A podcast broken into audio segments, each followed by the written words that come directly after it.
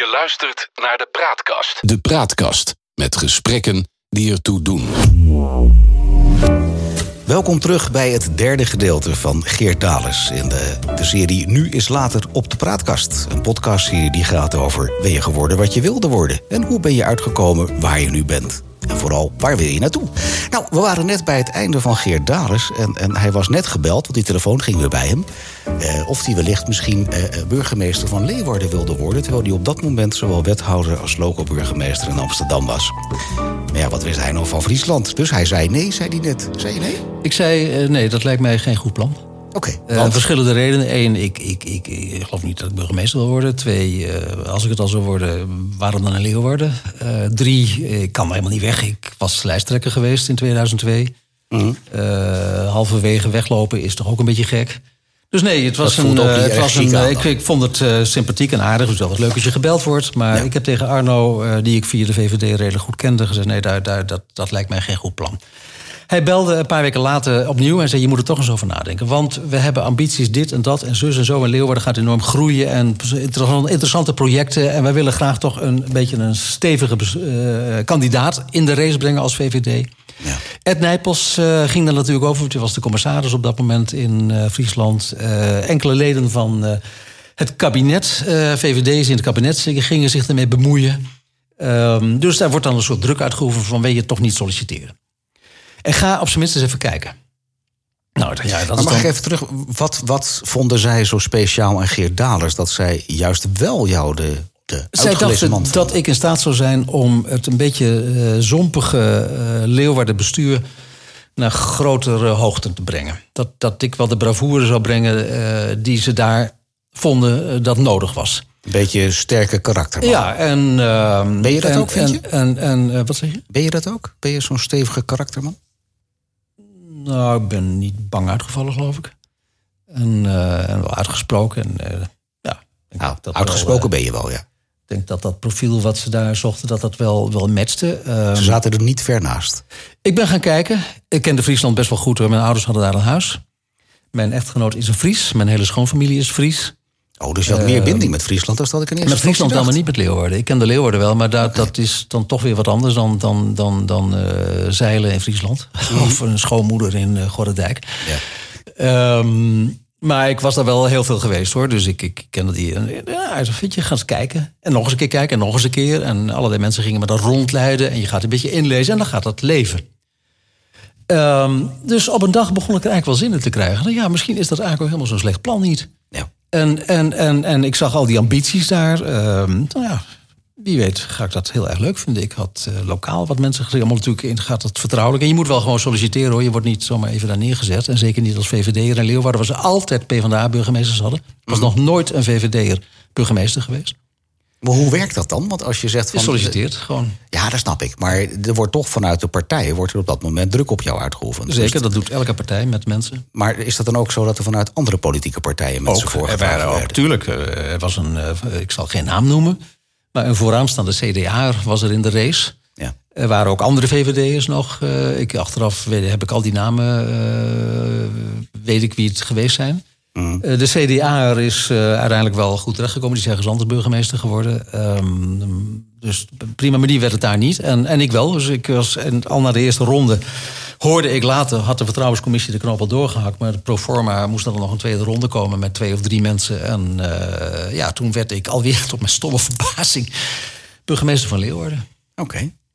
En, hoe vond je dat? Ik vond het heel erg leuk. Ehm, maar het is wel een overgang naar mijn beleving vanuit Amsterdam. Dat was in het begin met ook- alle dynamiek die hier in Amsterdam Ja, is. ik vond het in het begin zeker ook af en toe wel een beetje klein. Ja. Want in Amsterdam, ik had ook net die Noord-Zuidlijn achter de rug... en dan zit je de hele dag over miljarden te praten. Hmm. En daar ging het over eh, subsidie aan de lokale muziekschool van 2500 euro. Waarvan ik ook in het college al in de eerste vergaderingen zei van... praten jullie daar? Is dat überhaupt een gespreksonderwerp? in? Amsterdam noemen we dat een hamerstuk. Ja. Dan ga je eerst door de agenda heen van wat kunnen we hameren. Ja. En dan is driekwart van de agenda afgehamerd zonder dat er een woord aan wordt gewijd. En dan ga je het over de grote dingen hebben. En dat hameren, dat hadden ze daar nog niet eh, geleerd. Dus dat heb ik ze eh, voorgedaan, hoe dat ging. En toen vonden ze eigenlijk wel fijn. De collegevergaderingen duurden onder leiding van Margreet de Boer altijd heel erg lang. Tot ver in de middag. En uh, ja, daar had ik ook geen zin in. Dat, in Amsterdam waren het collegevergaderingen om half één of zo afgelopen. Op dinsdagochtend.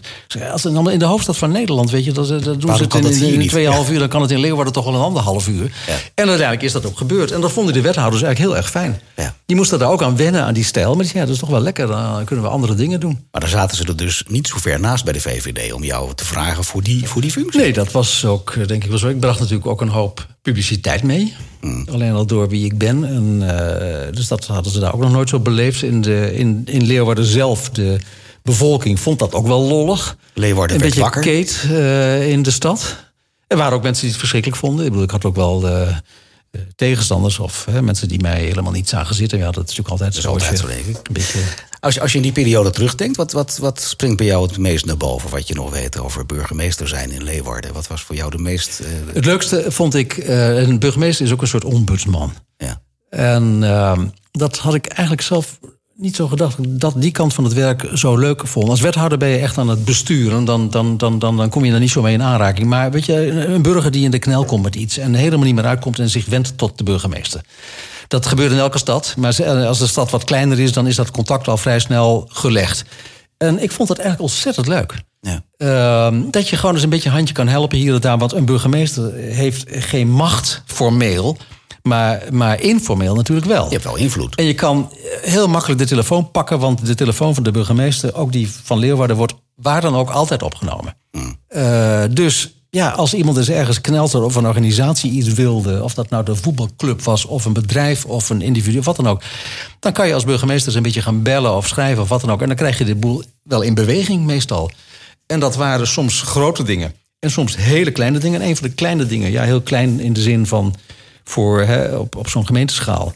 Maar voor de persoon in kwestie heel groot. Ik was een keer op een werkbezoek in, in Leeuwarden Buitenwijk. Ik ging veel op werkbezoek, vond ik ook hartstikke leuk. En dan ja. kom je bij iedereen over de vloer en zo. Werd ook altijd van alles voor je georganiseerd. Het was echt ontzettend leuk. Nou, allemaal aardige mensen die bezig zijn in het wijkcentrum of weet ik veel. Op een kleuterschool, van alles en nog wat. Um, maar ik was op zo'n werkbezoek en dat rentelde al de hele tijd een man en een vrouw om me heen. Daar die, die ja, ik had geen idee wie ze waren. Ze hoorden niet ja. bij het ontvangstcomité, zou ik maar zeggen. Maar ik, je wist dus niet dacht, goed wat ze nou precies wilden. Ik wist, en ze waren er al heel lang, weer meer dan een uur of misschien wel twee uur liepen ze daar al maar rond. En ja. ik dacht, ik ga gewoon vragen. Uh, dus ik, ik, vraag aan die uh, twee van, van uh, wie bent u? Wat, wat? En toen zei hij, ja burgemeester, heeft u straks, uh, als u klaar bent, misschien even uh, tien minuten voor ons. Ja. En, want we willen u wat vragen. Nou, prima. Mm -hmm. Dus ik sprak met die mensen en toen zeiden ze... Uh, ja, het is misschien een beetje een gek verhaal... maar wij zitten met een probleem. We hadden een zoontje, tien jaar of zo... Ja. die was overleden aan leukemie. Mm. En zij woonde in een flatgebouw... dat op de nominatie stond om zwaar gerenoveerd te worden. Nou had het jongetje een tuintje aangelegd... want het was een etage uh, op de begane grond. Dus ze hadden een tuintje. En het jongetje had een tuintje aangelegd... en zij hadden het jongetje beloofd om voor dat tuintje te zorgen. En zij zeiden, ja, nou wil die coöperatie, die woningcoöperatie, die flat gaan renoveren. Daar zijn we blij mee. Maar uh, die, al die tuinen die worden geruimd. En Ach, ja. ja. Die dacht er anders over natuurlijk. Uh, uh, dus dan heb je zo'n, dat weet je, voor die mensen heel, heel groot. Voor anderen, voor mij, voor de gemeente een klein ding. Voor die mensen heel erg groot. Ja. Een nou, dus ik heb dat aangehoord. En nou ja, ik zal eens kijken wat ik kan doen. En toen heb ik de directeur van de woningcorporatie gebeld. Want je kent die lui natuurlijk als burgemeester. Die worden zo en zo. Kan je daar iets... Het is maar, het is maar een klein tuintje. Het is maar een paar meter bij een paar meter. Kan je dat ding niet optillen. En, en, en in zijn geheel met de begonia's en al even parkeren. Ja. En dan weer terugzetten. En dat is gebeurd. Ja, leuk. Nou, dat zijn weet je, dat soort dingen. Ja. Maar dus dat, dat, dat is het leuke van het, het burgemeestersambt. In het eerste gedeelte ook al uh, over. Dat, dat jij wel dan begaan bent met de mensen die het wat minder breed, wat ja, minder makkelijk nou, in het leven hebben. Zeg dat, maar. dat, dat komt dan op zo'n moment tot uiting. Ik voel ja. dan echt, dus ik wil, hoef daar niet voor bedankt te worden. Zo, ik ben overigens enorm. Ik heb een hele lieve brief van die mensen gehad. Mm. Uh, maar daar gaat het allemaal niet om. Maar dat, ja, dat vind ik hoort dan ook gewoon bij mijn opvatting. Dat raak je. En mijn je levensovertuiging. Ja. ja, dat raakt mij dan. Ja. En dan ga je doen wat je kunt. En uh, dan ben je blij als je iets voor elkaar kan boksen. Je hebt uh, nog lange tijd bij de VVD gezeten. En uh, er staat me ook bij dat je in 2002 pleitte dat het roer bij het VVD om moest. Op het gebied van immigratiepolitiek en, en veiligheid.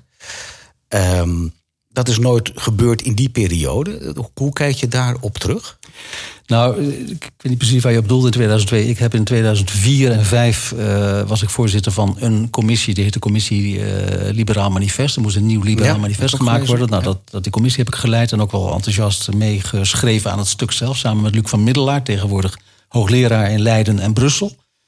Uh, die was toen de, de, de assistent van Josias van Aartsen. Josias had dit, was eigenlijk een beetje de motor achter dat geheel. Uh, en daar stonden allerlei voorstellen in over koersverandering in de VVD. Dat, dat, dat kreeg toen een geweldig positief onthaal in de pers. Dat was eigenlijk ten opzichte van hoe de VVD was, zou je kunnen zeggen, een verlinksing. Mm. Een vermaatschappelijking. Ja. Uh, een wat humanere politiek, anders dan wat de VVD tot dan deed. En, en daar was jij een van de initiatoren. Zeker, en ook uit overtuiging, en nog steeds is dat zo. Ja. En dat boek 60, 87 pagina's geloof ik, heel uitgebreid allemaal. Het werd enorm positief onthaald. Dat is op het VVD-congres in Groningen in 2005. Duizend mensen in de zaal, juichend en klappend. En, uh, nou, iedereen was er enthousiast over. Iedereen was enthousiast. En vervolgens is er niets mee gedaan. Hoe komt dat? Ja, dat moet je vragen aan de leiding van de VVD die toen kwam. Mark Rutte werd de opvolger van, uh, van Aartse Mark, eh, die ik goed uh, kende. Um, die, die, die stond te juichen in Groningen, te klappen en wat dan ook. En toen werd hij de leider van de VVD. En hij liet het helemaal gaan. Daar kwam natuurlijk ook wel omdat Rita Verdonk aan boord kwam. Ja. En uh, ja, ik snapte ook wel dat Mark Rutte en uh, die moest, die, die, wilde, die wilde dat uh, allemaal bij elkaar houden. Dat is uiteindelijk falikant mislukt. Ik heb hem ook van meet af aan aangeraden, maar ik doe het niet. Weet je, neem afscheid van die mevrouw. Mm. ik had geen hekel aan Rita Verdonk, in tegendeel. Maar ik ik zag niet. Ja, je voelde aan dat voelde aan dat ellende voor de VVD zou gaan brengen. Dus we gewoon radicaal eruit. Mark durfde dat niet aan. Die heeft dat dus heel lang uh, laten lopen. En dat, daardoor is dat ook wel ontspoord. Maar die moest dus een rechtsprofiel aannemen, wat hij helemaal niet heeft. Ja. Uh, hij had waarschijnlijk niks liever gewild dan dat hele liberaal manifest zoveel mogelijk uh, invoeren en tot werkelijkheid brengen. Maar het is niet gebeurd. Ja, en na Rutte kwamen er, kwamen er andere types. Halbe Zelstra, Klaas Dijkhoff. Klaas Dijkhoff heeft nog een poging gedaan de zaak weer een beetje bij te draaien. Maar die is natuurlijk teleurgesteld afgedropen. Onder leiding van Halbe Zijlstra werd het eh, helemaal niks. Daar voelde ik me ook echt helemaal niet meer bij thuis. Wanneer was voor jou het moment dat jij eigenlijk bij de VVD gestopt bent... en zei van ik ga met 50 plus verder? Nou, daar zat jaren tussen hoor, tussen het een en het ander. Ja, dat had ik ook. Maar mijn, mijn onvrede met de VVD groeide uh, al maar verder. Uh, dat had met van alles nog wat te maken met de koers in het algemeen, maar ook met de, de labbekakkerige wijze waarop de VVD omging met een enorme reeks integriteitsschendingen. De een naar de ander, het ging maar door. Met als hoogtepunt de hele affaire rond de toenmalige partijvoorzitter Henry Keizer. Uh, dat, dat, dat lieten ze allemaal maar sloffen. En uh, ik heb daar met Willy Broers van Beek, die was, ik geloof nog steeds trouwens, de voorzitter van de integriteitscommissie wel eens over gehad. Joh, pak eens een beetje door. Weet je, dit kan toch niet wat hier gebeurt. Mm. Uh, maar, maar, uh, ja, maar daar was je op een gegeven moment klaar mee. Daar was ik op een zeker moment klaar mee. En je wordt er ook als maar VVD... is daar echt een moment geweest dat je zegt... Nee, ja, dit, dit was het moment, dat, nee. toen was het klaar. Ja, er was wel een druppel die de emmer doet overlopen. Ja, precies. Die kan ik heel goed benoemen. Uh, maar de emmer die wordt steeds voller en voller. Ja, en bovendien, ik was zo lang lid van die partij. Je blijft loyaal, je loopt niet zomaar weg. Dus je accepteert ook veel dingen die je eigenlijk niet fijn vindt.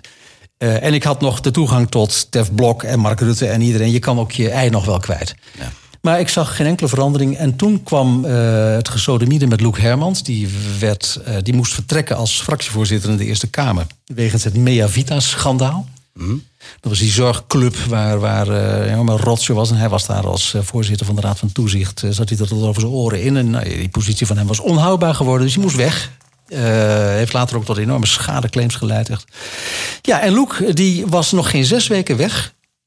En toen wilden ze hem waarnemend burgemeester in Zutphen maken. Dat nou, als de VVD dat Wil gaan kennelijk doen. denkt dat dat kan... Ja. dan hebben ze er helemaal niks van begrepen. En toen heb ik opgezegd. Okay, dus dat Gewoon was een mailtje getikt bij deze zeggen mijn lidmaatschap op. Hartelijk groet, Geert. Volgende ochtend gaat de telefoon. Henry Keizer aan de lijn. Ja. Toen nog de voorzitter, die een tijdje later ook enorm in de puree belandde. En Henry belde en die zei: Ja, Geert, dat kan je toch niet maken, joh. Ja. Uh, en dit moet je terugtrekken. Dit, kan, dit kan absoluut niet. En, uh, ik ben half uur met een man gepraat. Ik heb hem gezegd: Henry, ik vind het fijn dat je belt. Dat stel ik op prijs. Uh, maar ik heb hier lang over nagedacht. En ik heb ook keer op keer mijn best gedaan om mijn mening over te brengen. En ja, dat er niks mee gebeurt, dat heb ik te accepteren. Maar ik, ik voel me hier niet meer thuis. Ja. Het is mijn partij niet meer. Mm. Dus uh, het spijt me verschrikkelijk. Uh, dank voor je telefoontje, maar ik uh, trek ik de opzegging niet. Mee. Ja. Zo is het gegaan. vond het heel pijnlijk, vond het ook heel verdrietig. Want je bent zo lang lid van zo'n club. En ik heb natuurlijk heel veel gedaan daar. Want eh, echt, ja, het is Ja, toch je hoorde club. er echt bij. Ja, Ja, het is echt je club. Dus ik vond het heel pijnlijk. En toen ging de telefoon. Dan zijn we alweer de tijd verder. Ja? Nee, toen? ging het anders. Oh. Toen ging de telefoon niet. Eh, maar ik dacht, ja, politiek eh, dakloos is ook een beetje gek voor iemand die al zo lang eh, politiek actief is. En ik ben eens gaan kijken van wat hebben we eigenlijk allemaal in Nederland. En gewoon gaan afturven.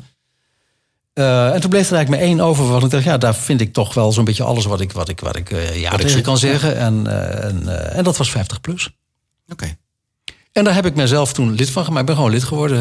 eh 25 euro betaald en eh, ik kreeg een lidmaatschapsnummer. Een brief van Jan Nagel kreeg ik toen. Zo Ik- simpel is dat, ik Victor. kende helemaal niemand Ja. daar hoor. Dat, eh, Nee. Althans, ik was daar nooit bij betrokken geweest. Maar had je toen bepaalde ambities binnen, Nee, binnen 50 Nee, plus? nee, helemaal helemaal niet, gewoon helemaal eh, niet, helemaal niet. naar binnen gelopen Nee, helemaal en, je wil politiek actief En toen ging de telefoon.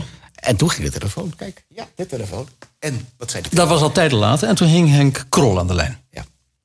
Eh, die kende ik een beetje, niet goed hoor, ik- maar een, een beetje. Mhm. Ehm, en Henk zei, wat hoor ik nou toch? Eh, ben jij lid van eh 50 plus? Ja, dat klopt. Oh, nou, leuk, fijn en eh, mooi en kunnen we goed gebruiken. En ja, maar zou je dan niet, als we nog eens wat doen in de partij? Weet ik veel, als je wat, ja, als ik kan bijdragen, dan, ik hoor het wel. Laat maar weten. Ehm, en toen werd ik eh, gebeld op een dag door eh, een 50-plusser. Die naam zal niemand veel zeggen, Roy Hotensung. Maar ik kende hem wel, die is ook burgemeester geweest. Ehm, en die belde, die was lid van 50PLUS. Hij Ja. komt uit het CDA. Al die 50-plussers komen van een andere partij. Hè. Er waren er maar weinig die alleen maar lid van 50PLUS Plus waren geweest. Ja. dus ik kwam daar. eh, ik ben dus naar een vergadering geweest. Daar kwam ik allemaal eh, oud-VVD'ers tegen. Twan Manders, eh, de Europarlementariër. Die was een van de eerste die ik tegen ben. Hier ben jij er ook. Ja. En een heleboel echt wel bekende koppen. Ehm, en, en, en toen werd ik gevraagd of ik eh, mee wilde doen bij de selectie voor kandidaten voor de gemeenteraadsverkiezingen in Amsterdam in 2018 en in Bergen, Noord-Holland, ook in 2018. En zo rol je dan in die partij. En dan ga je de mensen leren kennen en dan komt het tot leven en wat dan ook. En toen belde Henk op een dag weer. En die zei, Die moet, eh, ja. kan, je onmiddellijk, kan je onmiddellijk, kan je nu komen naar Den Haag? Nu, meteen. Ja, wat is het dan? Ja, kan ik niet vertellen, dringend. Nou ja, goed. Ja, weet je, als dat moet, dan moet dat. Nou ja, dus ik daar met tegenzin. Ik was net terug in... eh, ik woonde toen in Hoofddorp. Net, het regende als een gek. Dus ik was lang blij dat ik weer uit de trein was. Dus nou, ik weer naar Den Haag. Eh, om een uur of zes. En daar zat de fractie bijeen. Henk en, en de rest van de fractieleden. En eh, toen werd daar een heel raar gesprek gevoerd. Kort, samen, kort samengevat, eh, we hebben een voorzitter, eh, dat vinden we niks. Eh, daar willen we vanaf, maar we moeten dan ook een, een ander hebben. Wil jij dat niet doen? Dat kort Hmm. samengevat, het gesprek duurde anderhalf uur of zo. Totdat de aap hem ook kwam. Ja. Totdat je Ehm, die voorzitter, je ik zei, wist. die voorzitter, ik ken, die, ik ken die man een beetje, die heette Zoetelief. Ja, dat vind ik ja, best een aardige kerel. Ik, of die goed is of niet, weet ik, ik kan niet beoordelen. Maar die zit er nog maar net. Ja. Ja, maar we moeten toch van hem af. En, enzovoort. Nou ja, en ik had daar helemaal geen zin in om daar voorzitter van die club te worden. Maar goed, het is toch gebeurd. En? Hoe is dat bevallen? Ehm, dat is eh, heel goed bevallen. Twee jaar lang hebben Henk en ik, we konden enorm goed met elkaar opschieten. Ja. Die tent van vier zetels die ze hadden in de Kamer naar tien in de peilingen weten te brengen. Henk is in december 2019 op mijn voorspraak eh, aangewezen als lijsttrekker bij de verkiezingen van eh 21. Ze waren er al heel vroeg bij. Mm. Eh, zeg ik dat goed? Ja. ja. We waren al heel vroeg bij. Dan kunnen we het allemaal uitgebreid voorbereiden. Henk en ik hebben stad en land afgereisd en gebeld en gesproken met allerlei mensen om een topkandidatenlijst bij elkaar te krijgen voor de verkiezingen. We hadden echt een briljante kaartenbak vol met topnamen. Ik, ik zou graag die namen willen noemen, want de mensen hadden er echt van opgekeken wat wij bij elkaar hadden gebracht. Ehm, het werd eerst vijf zetels in de peilingen, toen zeven, toen acht, toen negen. En toen is het heel lang tien zetels geweest. Eh, in het voorjaar van 2020, voor de verkiezingen van drie kwart jaar later, Ja. eh, zou 50PLUS zo binnengelopen zijn. Er gingen al verhalen in Den Haag, hoorde ik van parlementaire journalisten in VVD-kringen, dat ze al een beetje aan het kijken waren van, nou, dat zou best een interessante coalitiepartner kunnen zijn. En wie gaan ze dan in de ring brengen als bewindslied? Dat zover was het al. Er werd al gescreend, bij wijze van spreken, door andere partijen van, wat gaan we krijgen? Wat ging er mis, Geert? Ehm, ik was dus heel erg bezig geweest met de professionele professionalisering van die partij. Maar dan ga je ook op tenen staan. Mm. Want dan moeten er mensen terzijde die zichzelf uitermate uh, bekwaam en geschikt vinden voor hoge posities. En die ontdekken dat dat niks gaat worden. Omdat ik daar rondliep en uh, andere mensen om me heen had verzameld. Ja. Henk en ik waren een conctie waar niemand tussen kwam. Mm. Wat ze ook deden, wij lieten ons nooit uit elkaar spelen. Uh, als Henk en ik het ergens over oneens waren, hielden we dat uh, onder de pet met z'n tweeën en losten we dat op. Uh, dus dat was, we waren, en we hadden ook in het bestuur stevige steunpunten. Dat ging allemaal hartstikke goed. Maar toen gingen daar een paar lui muiten onder leiding van Jan Nagel. Die, uh, volgens mij is het eigenlijk gewoon een psychologisch, psychiatrisch geval. En gewoon niet tegen kon. Dat, dat ik als voorzitter met Henk en anderen die daar hard aan meewerkten van die partij een succes maakte, wat hem nooit gelukt was. Hij is de partij oprichter, maar hij kon daar gewoon niet tegen. Maar Dus het is toch wel heftig dat je, hem, dat je hem eigenlijk psychologisch niet goed vo- eh, eh, vindt. Nou, ik, had die, ik kende die man helemaal niet voor die tijd. Ik heb hem pas leren kennen eh, kort voordat ik voorzitter werd. Ik vond het van meet af aan een hele rare man. Ja. Eh, een hele vervelende man ook. Een onaangename bedweter. Eh, hij wist alles altijd beter. Ook al wist hij de ballen ervan. Hij wist alles. Ik vond het echt een ontzettend vervelende man. Nou, dat is Eh, maar ik deed mijn best om goed met hem op te schieten. Ik heb hem nog eerder lid gemaakt met het idee... nou, dan, dan krast hij wel op. En het werd er alleen maar erger van. En die man die had, die verzamelde een, een, een, een- ja, van die sergeanten om zich heen. En die gingen rotsen trappen. En dat is eh, uitstekend gelukt. Maar je weet wordt- hoe het gegaan is. In no time maar er wordt- donderde de hele boel in elkaar. Er wordt jou verweten in die tijd dat je nogal autocratisch was. En wat Dat was ook heel hard nodig daar. Dat was nodig. sterker nog, dus dat, dus zeggen, ik ben veel ontken te- je ook niet, zeg maar. Nee, sterker nog, ik ben, ik ben veel te slap geweest. Ik had veel harder moeten ingrijpen. Eh, heb ik overigens over, overwogen, maar ja, je moet ook de mensen meekrijgen. We hadden je nagel uit de partij moeten gooien. En daar was het anders Dat was je? moeten, dan was het waarschijnlijk anders gelopen. En ik had, dat is de enige waarvan ik, ja, hier heb ik echt een vergissing, nee, een fout, eh, iets nagelaten wat ik had moeten doen. Op het moment suprem, toen de Tweede Kamerfractie, waar Nagel ook had lopen stoken, zich tegen mij keerde. En zei, de voorzitter moet weg. Toen zei, daar gaan jullie helemaal over, daar gaan de leden over. De partij had toen nog bijna 6000 leden. Dus jullie kunnen hoog en laag springen, maar jullie gaan er niet over. Ik had toen naar de leden moeten gaan.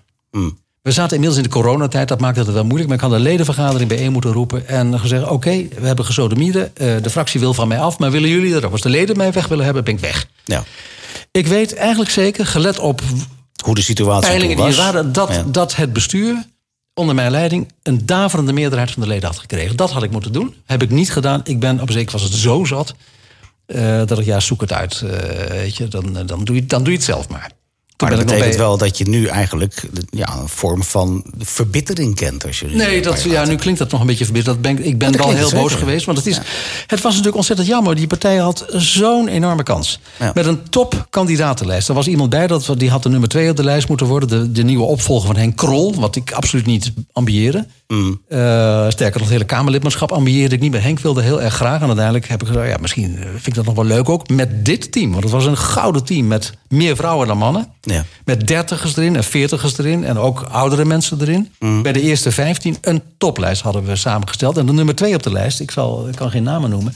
is een hele bekende eh, figuur in Nederland. Die echt een topper. Die had die partij naar nog veel grotere hoogte gebracht.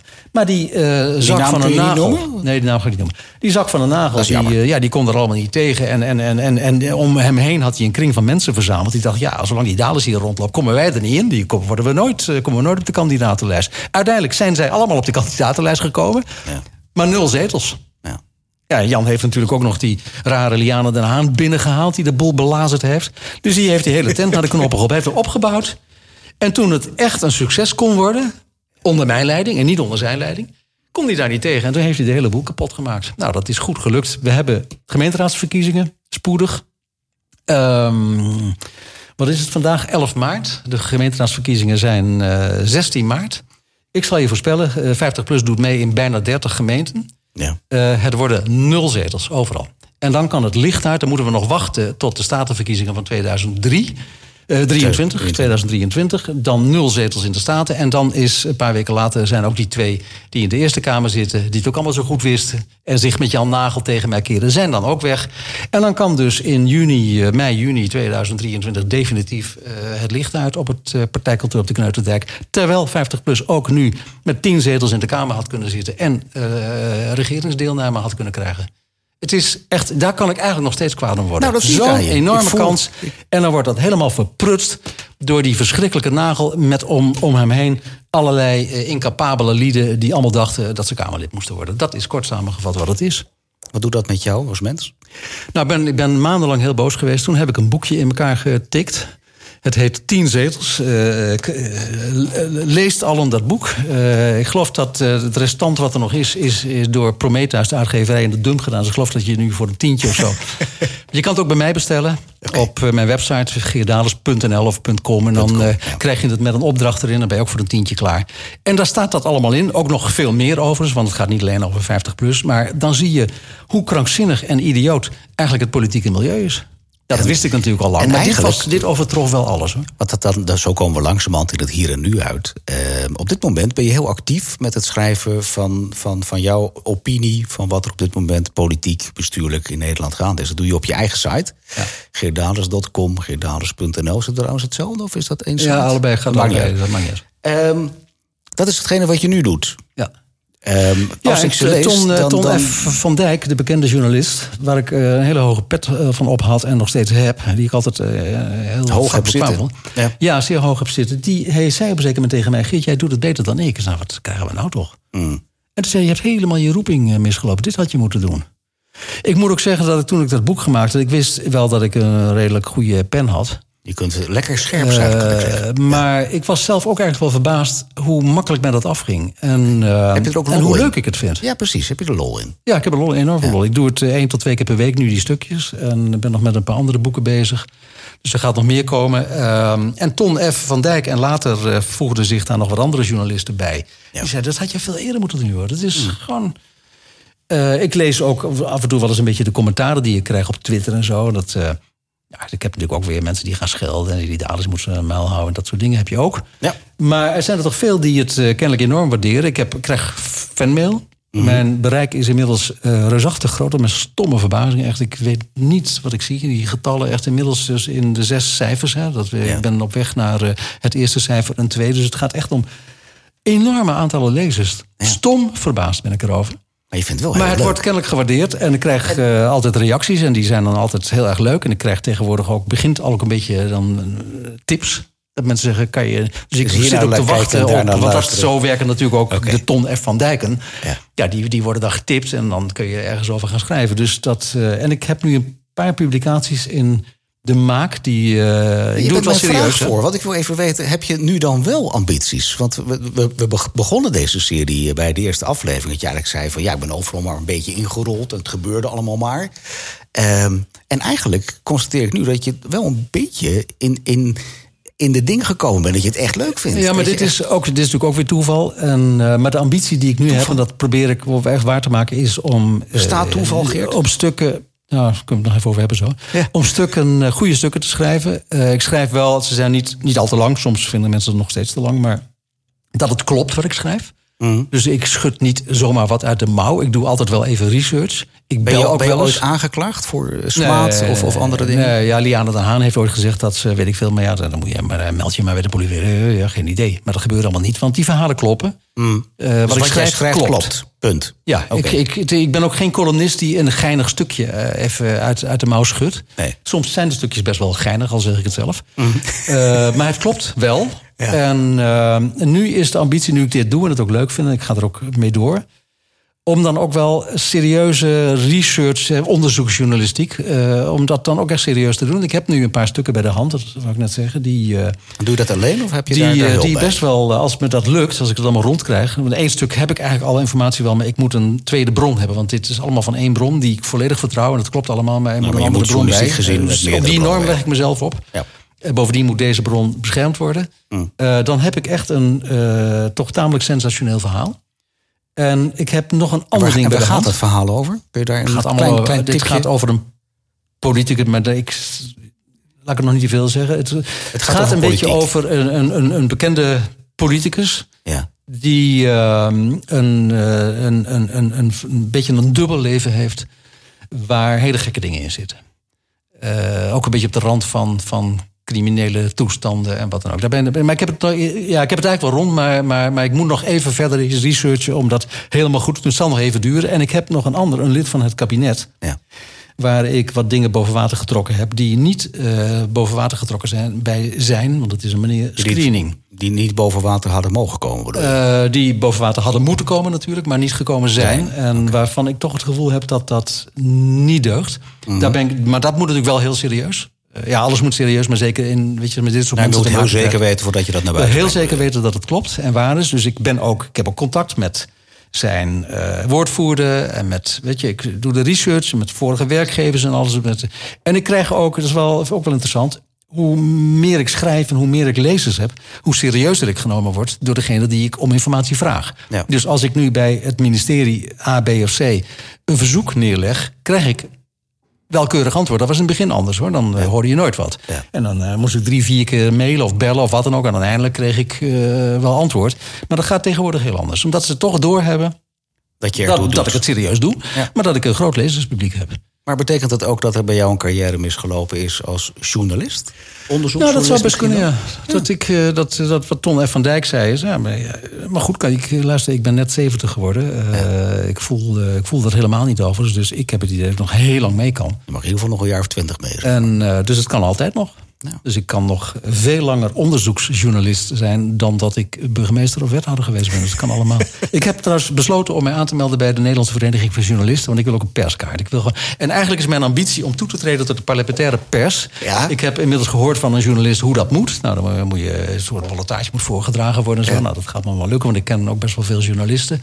Dus ik kom er wel in. Het zal nog even duren. En dan ga ik gewoon eens bij de persconferentie van de minister-president zitten. Dat lijkt me.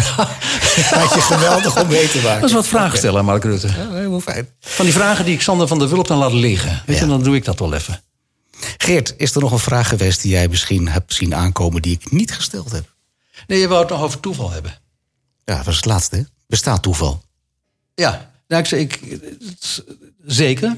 Ik geloof ook wel langzamerhand een beetje in iets van spiritualiteit. Want eh, het gebeurt me toch iets te vaak dat ik het over iemand heb en dat hij dan net belt. Hmm. Of eh, een appje stuurt terwijl ik het net met zo iemand bezig ben. Dat gebeurt Ja. mij te vaak om te denken dat dat eh, toeval is of zo. Dus toeval Maar- bestaat niet. Eh, ik heb een, in, in mijn Hongaarse tijd een Hongaarse liefde gehad. Mhm. Ehm, Een man of een vrouw? een man, ja. Ja. Ja, ja, ja, had, ja, had, had, had nog wel een vrouw kunnen zijn. Maar de kans op een Ja, dat vertelde je de start. Dus ik denk, ja, dat succesvolle, kan beide. Ja. Kans op een succesvolle verhouding met een man is toch groter. Maar ik heb, ik heb, een, ik heb een geweldige man. We zijn al bijna 31 jaar samen. Dus dat is Ja. echt fantastisch. Daar ben ik heel enorm blij mee. Mhm. Eh, ook toeval, hè, hoe je elkaar tegenkomt. En dan groeit er zoiets uit. Maar dat had ik daar ook in Hongarije. Ik reed Geen toeval dus, maar ga verder. Nee, maar Ja. in, eh, in Hongarije was het, was het verhaal... eh, ik, voordat ik erheen ging, moest ik bij de, bij de Binnenlandse Veiligheidsdienst komen. De BVD, tegenwoordig heet het AIVD. Ja. En toen zeiden ze, ja, meneer Daans, u gaat naar Hongarije. Dat was nog in de communistische tijd. Ja. Houd er even rekening mee hoe ze daar, de geheime diensten, hoe ze daar te werk gaan. Dat is allemaal lange termijn werk. Dus zij zien iemand binnenkomen. En ze weten dat u eraan komt. Eh, en dan gaan ze kijken, wie is dat? En dan nou, de, eh, intelligent type, werkt buitenlandse zaken. Misschien hij is nu nog jong, maar misschien is hij over 20 jaar, 25 jaar secretaris-generaal van de NAVO. Dus ze gaan je nu al in de gaten Ja, houden, foto's ja. maken, dossier aanleggen en wat er ook. Alles wordt bekeken van je. Alles wordt bekeken. Dat doen ze met iedereen. En eh, ja, eh, met een schot hagel is er altijd wel eentje, eentje raak. Dus misschien wordt het helemaal niks met je. Dan is het allemaal vergeefse moeite. Maar hou daar rekening mee. Dus, en u vooral, zeiden ze toen, want dan komt hij. Want ja, u bent homoseksueel.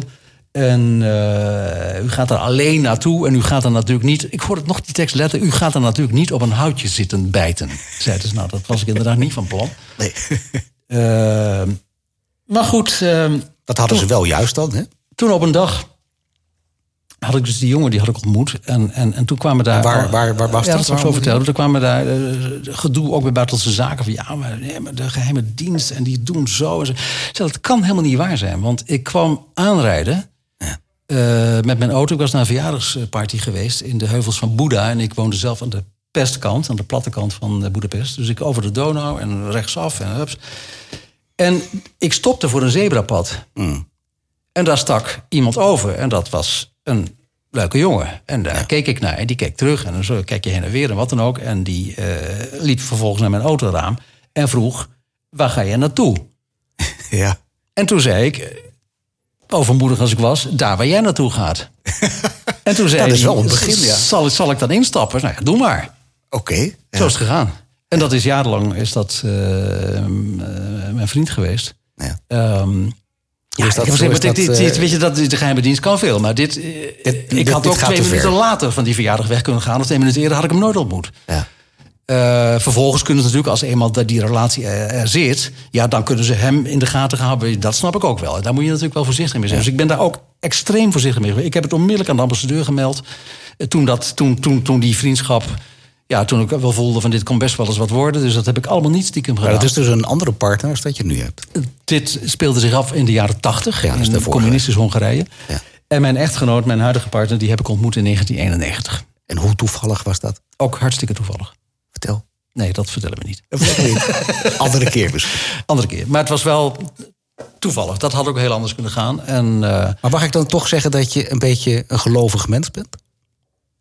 Nou, niet in de zin van, van, van religieus of wat dan ook. Dat, eh, Spiritueel wel. nee, ik geloof wel erg in het toeval, het leven van toeval aan elkaar hangt. Ja, daar geloof ik wel heel erg in. Je, kan, je kan zelf eh, veel beïnvloeden. Je moet ook veel beïnvloeden. Dat is ook wel een. In mijn boek staat een passage over mijn schoolvriendje die overleed. Ehm, dat gebeurde in eh, 1962. En dat is eigenlijk mijn hele leven bijgebleven. in alle opzichten ook van ja, wat kan je in je leven overkomen en hoe kan het tegenzitten. En, eh, Waar is die aan overleden toen in 1962? eh, hij had een hersentumor. Oké. Dus hij werd ziek en gaandeweg. eh, Nou, ja, dat verschrikkelijk. Dat is, maakt zo'n indruk op me gemaakt. Hoe oud was jij? Tien. Hij was ook tien. Oh, ook tien. Ja. Dat was heel klein nog. Ja. Ja. Ehm, en eh, daar, toen heb ik, mm, ik weet nog dat ik ook bedacht, wij leerden op school of ons lieve Heer en de warmhartigheid en weet ik veel en voorzienigheid en wat dan ook. Dat ik toen dacht, dit is, ik geloof helemaal niet in die hogere machten. Mm. Want als er hogere machten zijn, dan. Dan zou dit niet niet. plaatsgevonden hebben. Eh, dus toen heb ik dat afgezworen, dat geloof in hogere machten. En bedacht, eh, alles wat ik in mijn leven doe, dat moet ik echt zelf doen. Ja. En daar heb ik ook wel naar gehandeld. Ik heb me altijd gerealiseerd dat je je eigen verantwoordelijkheid... het betekent ook dat je eigen verantwoordelijkheid hebt en ook moet nemen... en er niet voor weg moet lopen. Dat je ook niet bang moet zijn en dapper en zorgzaam en enzovoort enzovoort. Je moet het wel allemaal zelf doen. Niks komt vanzelf. Ja. Eh, daar heb ik me wel erg naar gedragen in het leven. En voor de rest hangt het... Ja, je kan nog zo je best doen. Maar als er toeval tegen zit... Dan Het zal je maar gebeuren wat er nu in Oekraïne gebeurt. Ja. Ik ken een paar Oekraïners, dus ik, weet je, dan heb je er ook meer gevoel bij dan wanneer dat heel ver weg weg gebeurt waar je Ja. niemand kent. Dat komt dichtbij je nu. Eh, ja, dat is, ik, bedoel, ik heb net zoveel compassie met iemand in Soudaan of in Ethiopië of ergens in China die ellende overkomt dan wanneer het een paar eh, duizend kilometer hier vandaan gebeurt. Maar toch, als je ook daar mensen kent. Ehm, ik, wij kennen bijvoorbeeld een Oekraïense pianist die studeert aan het conservatorium in Amsterdam, is een soort vriend geworden hier. Die is teruggegaan vorige week of twee weken geleden. Eh, zijn ouders wonen in Kiev Ja. zijn daar bekende muzici. Ik heb ja, app-contact. Het gaat allemaal goed. Maar voor hetzelfde geld gaat het hartstikke fout. Ja. En eh, weet je, zie, zie je, maar die jongen was heel goed bezig. Vlak voor zijn bachelor, een hele talentvolle jonge pianist. Die een paar weken geleden nog op die prachtige vleugels van het conservatorium in Amsterdam. eh, Ravel en, en Debussy speelt. Zit daar nu in een oorlogssituatie. En met een beetje pech, als het toeval hem tegenzit, is hij dood. Ja. Ja, dus het hangt allemaal zo van toeval aan elkaar. En tussen die, dat toeval, die toevalstreffers die je in je leven krijgt... moet je vooral zelf je best doen en, eh, en, en, en, en je eigen verantwoordelijkheid nemen. En dat heb ik geloof ik in mijn leven altijd wel gedaan. Ik vind het een hele mooie afsluiting van deze podcast. Dankjewel voor je medewerking, Geert. En dankjewel Nou, voor me een openheid. groot eh. Het, eh, vertrouwen. Nu maar wachten totdat de telefoon weer een keer gaat. Voor wat dan ook. Bij het toeval, zeg maar. Tegenwoordig appen ze vooral. Dankjewel. Graag gedaan.